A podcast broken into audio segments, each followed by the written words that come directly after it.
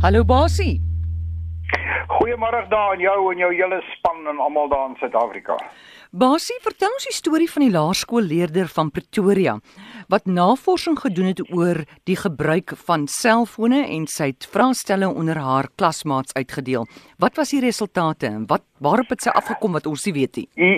Man, ek ek is baie opgewonde en ek baie trots daaroor dat daar in Suid-Afrika nog, jy weet, laerskoolkinders is. Hierdie uh, hierdie leerder Mia Loupsher van die laerskool Linwood moes 'n taak doen vir die skool en sy besluit toe, maar sy gaan nou 'n opname doen onder haar mede graad 6 en graad 7 leerders om uit te vind hoe werk hulle met hulle selfone en wat wat wat doen hulle en wat doen hulle nie en alsoos en sy het dit baie wetenskaplik aangepak hoor. Ek moet sê uh, sy het 'n hipotese gestel wat dink sy gaan sy kry. Toe sy die vraelyste opgestel en sy het dit toe onder hierdie klasmaats van haar versprei wat hulle toe voltooi het. En daaruit het sy toe begin om die resultate te verwerk. En en jy moet onthou wat ek hou van die van die aanslag is jy weet dis nou 'n uh, staan dit 'n graad 6 leerder of leerling wat dit self doen, self die vraelyste opstel en versprei onder haar maats. So uh, uh, sy het al 'n gevoel gehad miskien wat haar maats doen.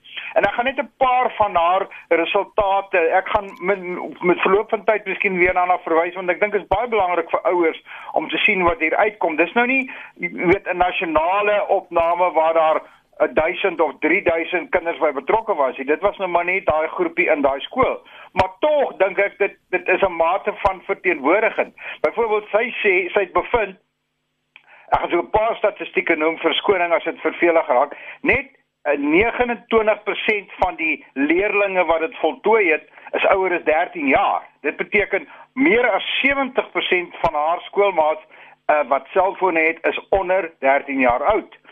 94 meer as 94 van van die van die leerders gebruik WhatsApp. 80% van die van die respondente mag hulle fone slaapkamer toe vat. En 62% speel nog op hulle selfone nadat die ligte uit is in die aand. Jy weet dit hmm. dit eh uh, dat al klaar rooi ligte aangaan. Dan 70% van die leerders wat wat sy nou teruggekry het met slimfone het nie ouer beheer of ouer toesig op hulle fone nie. 70% en 60% van hulle sê dat hulle ouers kyk nie eers na watter internet webtuistes ensovoorts ensovoorts hulle kyk. En daar's nog 'n lang lys van statistieke. Maar jy weet daar's interessante goed wat sy ook uh, uit die vraelyste uitgekry het. Hulle sê ba baie van die leerders sê, "Maar my ouers spandeer dan so baie tyd op hulle selfone. Hoekom wil hulle my nou begin beperk?" Jy weet, mm. maar regtig, ek dink dit dit is iets wat wat baie uh waarde kan toevoeg. Soos ek sê, dis nou nie 'n streng wetenskaplike ondersoek nie. Die die navorsingsmetodologie, dink ek was baie wetenskaplik. Die die uh omvang was miskien nie so groot nie, maar ek dink hierdie is absoluut verteenwoordigend van wat op die oomblik minstens in laerskole aangaan en by ouers en en jy weet een van die vrae wat sy ook vra, dink jy die skool, dink julle die skool moet groter rol speel in ons voorligting met selfone in en in 'n groot persentasie daarvan. Meer is by verre die meeste het gesê ja, hulle dink die skool moet 'n groot rol speel. So hier's 'n les in A vir leerders, B vir ouers mm. en C vir skoolbeheerrade. Sjoe. Maar as jy nou kyk in Frankryk het hulle mos nou alle sekondêre skole verbied om selfoon te hê. Die kinders mag dit nie skool toe vat nie. Beteken dit dan dis in elk geval verbied by primêre skool, laerskole in Frankryk? Wel, die die die die die reaksie of die die verslag het net gepraat van van hoërskole. Maar ek weet dat daar in Suid-Afrika is daar baie skole, laer en hoërskole wat dieselfde beleid al het. Wat wat jy weet wat die wat die beleid die beheerraad self het besluit dat kinders mag nie eh, selfone in klaskamers invat nie ensovoorts. Party van hulle het logistieke reëlings dat jy jou foon voor die tyd moet toesluit of laat toesluit of hulle neem dit in.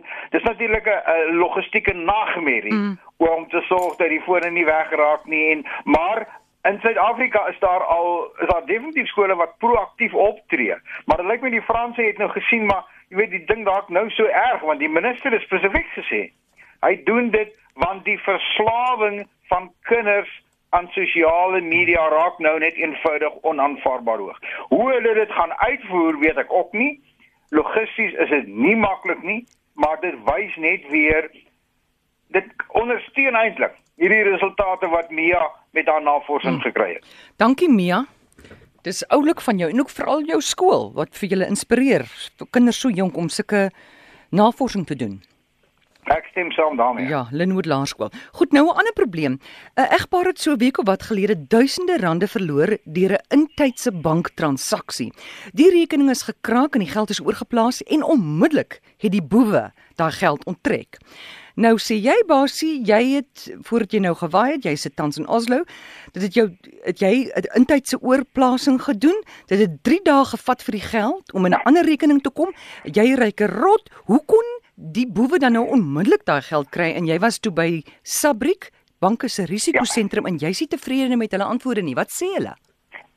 Ek sal ek ek, ek gaan hierdie saak verder ondersoek want want die ding het my soos ek so jy weet soos 'n slap uh waslap geslaan op 'n stadium dat ek moet 3 dae wag voor my oorplasing by my bank uitkom. Maar hierdie en en en dis nie net hierdie uh egpaar van verlede week wat 26000 rand verloor het nie. As jy kyk na die eposse wat ek kry mense verloor 100000 rand 200000 rand 30000 rand gereeld. En die vraag wat ek toe vir myself begin vra maar hoekom wag ek dan nou vir my geld moet 'n normale oorplasing uitkom. Miskien het ek is my kriminele rekord nie groot genoeg dat hulle dat die bank dit vinnig oorplaas nie. Maar ek het toe navraag gedoen en ek gaan hierdie saak ondersoek totdat ek op die been daarvan kom want dit raak elke luisteraar daar buite. Waarom moet ek en jy as ons geld normaalweg in 'n wettige transaksie oorplaas na 'n ander rekening toe 3 of 4 dae wag?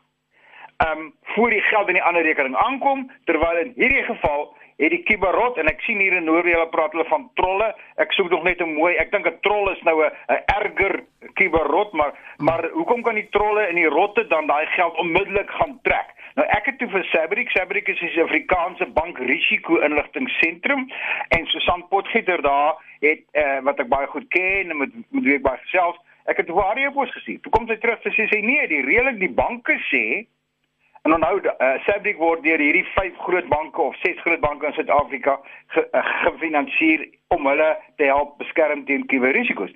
Uh so dan sê dis heeltemal reg. Dit staan geskryf, jy weet soos in die Bybel dat 'n uh, 'n uh, bankoorplasing vat 4 dae. Uh, uh, behalwe nou as dit van 'n bank na 'n ander rekening in dieselfde bank is, dan kan dit vinniger gebeur. Maar normaalweg is dit is dit 3 dae en baie van die gevalle wat ek na gekyk het en wat die luisteraar daar buitekant ek seker daarvan mee kan assosieer, het hulle die geld gesteel van let's say bank A na bank C wat 'n ander bank is wat 3 dae moes gevat het. En hulle het binne die 3 dae uitgevind dat daar's 'n daar's 'n rot in hulle rekening wat soos die geld weg. So ek gaan hierdie saak bly ondersoek want wat ek verstaan dit nie. Ek ek wil weet hoekom dit aangaan en ek wil en ek weet elke luisteraar daar buite wat al geld verloor het, wil ook weet, maar hoekom is dit dan die geval? Ehm um, hou hierdie spasie dop. Miskien kom ons hmm. gaan ons in raak in Suid-Afrika gaan ek meer persoonlik volg. Maar hier hierdie ding is is iewers iets nie reg nie en ek kan nie sien hoe hierdie mense die geld so vinnig kan uitkry. En wat jy weet wat nog ook interessant is, is as die banke dan nou sê dat as jy dit van bank A ek steel die geld in bank A en ek plaas dit oor na 'n nuwe rekening in bank A self mm. waar ek uh, wat wat ek voor die tyd oopgemaak het. Daai daai daai oorplasing skiet sê hulle baie vinniger. Dit kan want dit is nie met interbank oorplasing, ja. dis direk van een bank na 'n ander bank. As ek dan oor die bank môreoggend gaan sê, hoorie, my geld is gesteel en dis na daai rekening toe. En daai rekening lê by daai selfe bank dan moet die bank mos besef mm. daai rekening het gesteel die geld in. Hy het my geld gesteel.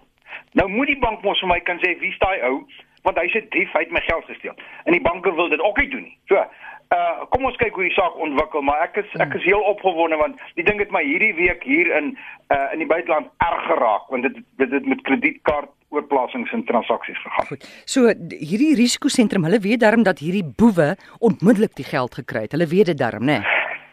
Ja, want want Susan sê vir my pertinent, dit is hoekom die boewe, die rotte of die trolle uh gewoonlik die die rekening waarheen hulle die geld wil steel en wil oorplaas mm. by dieselfde bank maak as die bank wat hulle gaan kraak. So as hulle weet jy's by bank A en en hulle wil jou geld steel en hulle het nou al 'n manier gekry om jou rekening uh, te kraak en om jou uh jou een eenmalige wagwoord uh met SMS wagwoord in hande te kry, dan gaan skep hulle by daai selfe bank 'n hmm. rekening. Goed. En hulle plaas want dit gaan vinniger en dit mag een manier wees, maar dit is ook vir my aanvaarbaar, onaanvaarbaar, want dit beteken tog dat daai daar's soveel regulasies oor hoe om 'n nuwe bankrekening oop te maak. Hoe kan hierdie rot nou 'n rekening gaan oopmaak, die geld oorplaas, al die geld gaan trek, maar daar's ook regulasies dat jy mag nie meer as 'n sekere bedrag geld uit die rekening uittrek. Ja. So, hier's 'n klomp dinge eh, wat wat wat wat vir my reik. Goed. Uh, Basie, ek het nou net 3 minute oor. Help my hierso. Dis 'n brief van Jarek. Hy sê deesdae kan jy by 'n sekere bank kan jy aanlyn gesels met jou bankier. Hy wil weet hoe veilig is hierdie fasiliteit. Hy vra want tydens so 'n gesels bly die kliënt lank aanlyn in oop kontak tussen hakkies met die bank. Dis die koneksie bly dan lewendig aanlyn. Hy sê is 'n bankkliënt nie dan gedurende so geselsessie blootgestel vir bedrog beide deur die boewe as ook dalk die bankier wat nou sit met toegang tot jou bankrekening nie. Ek dink dis 'n baie goeie vraag en dit staan, jy weet, staan in die lig van ons hele ondersoek aan aanhalingstekens nou wat ons nou hier wat ons gepraat het. Eerstens, uh, Erik se vraag is is is relevant.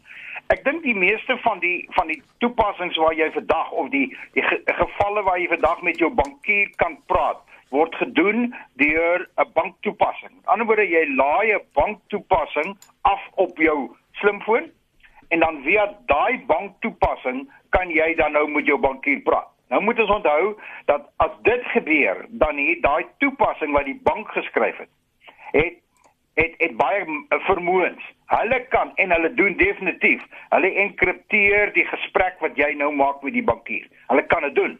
Dis nie 'n oop Skype gesprek wat jy nou skielik met 'n ou met die bankier maak nie. Dit word gedoen vanuit die toepassing wat op jou foon lê. Jy gebruik die funksie funksionaliteit van dit wat in die toepassing is wat die bank self geskryf het. En die bank verseker jou dat hy gebruik daai funksionaliteit om daai gesprek te ehm um, te enkripteer. So ek sal nie my kop daaroor te veel breek nie. Ek dink dit is redelik veilig. Die tweede vraag is hoe gaan jy weet dat die ou aan die ander kant wat nou die bankier is en jy aanvaar weer eens en ek dink daar's ook 'n mate van veiligheid in omdat jy hom nou skakel van uit die bank se eie toepassing is die nommer wat jy daar gebruik jou waarskynlik 'n regte nommer en jy kom by die ou en jy praat met hom. Hoe kan jy seker wees hy gaan nie ongemagtigde dinge op jou rekening doen nie? En daai vraag is die vraag, jy weet, wat gaan sê hoe lank is 'n stukkie tou? Want dit die statistieke is baie wys dat baie van die kubermisdaad wat gebeur is is 'n soort van binnehandel. Mense van binnekant af. Al wat 'n ou hier kan doen in vertrou is dat die bank het die nodige vertroue in hulle werknemers dat die werknemer nie sy regte wat hy het op jou bankrekening om te sien wat daar is en en om allerlei transaksies te skep gaan misbruik nie. Maar daarom wil ek die luisteraars ook aanraai. As jy in so 'n posisie is en jy vermoed dit is dit het gebeur, gaan vra al daai statistieke. Vra, ek het die gesprek gevoer met hierdie bankier, hmm. daarna het dit gebeur, daai geld is weg. Hulle hulle moet volledige uh, um, track record hmm. of, of log record hê van wie het toegang gekry ensovoorts. Maar ek sal die, die die kern van die vraag is, nee, ek sal nie te veel bekommerd wees oor die gesprek nie van uit die toepassing uit word dit geënkripteer wat nie die geval is as jy noodwendig jou bankier met gewone telefoon oproep bel en jy praat oor jou bankrekeningnommer en die goed nie. Daai telefoonlyn is nie altyd is, in die meeste gevalle uh, onveilig. Maar as dit van uit die bank se eie toepassing kom, sal dit gemaklik wees en mense moet maar net glo en vertrou dat die bank se mense bank vertrou in hulle eie mense en daai mense gaan ook deur 'n keuringsproses om eerlik te wees. So gesels professor Basie van Solms en jy kan hom kontak by rsgbasie by gmail.com.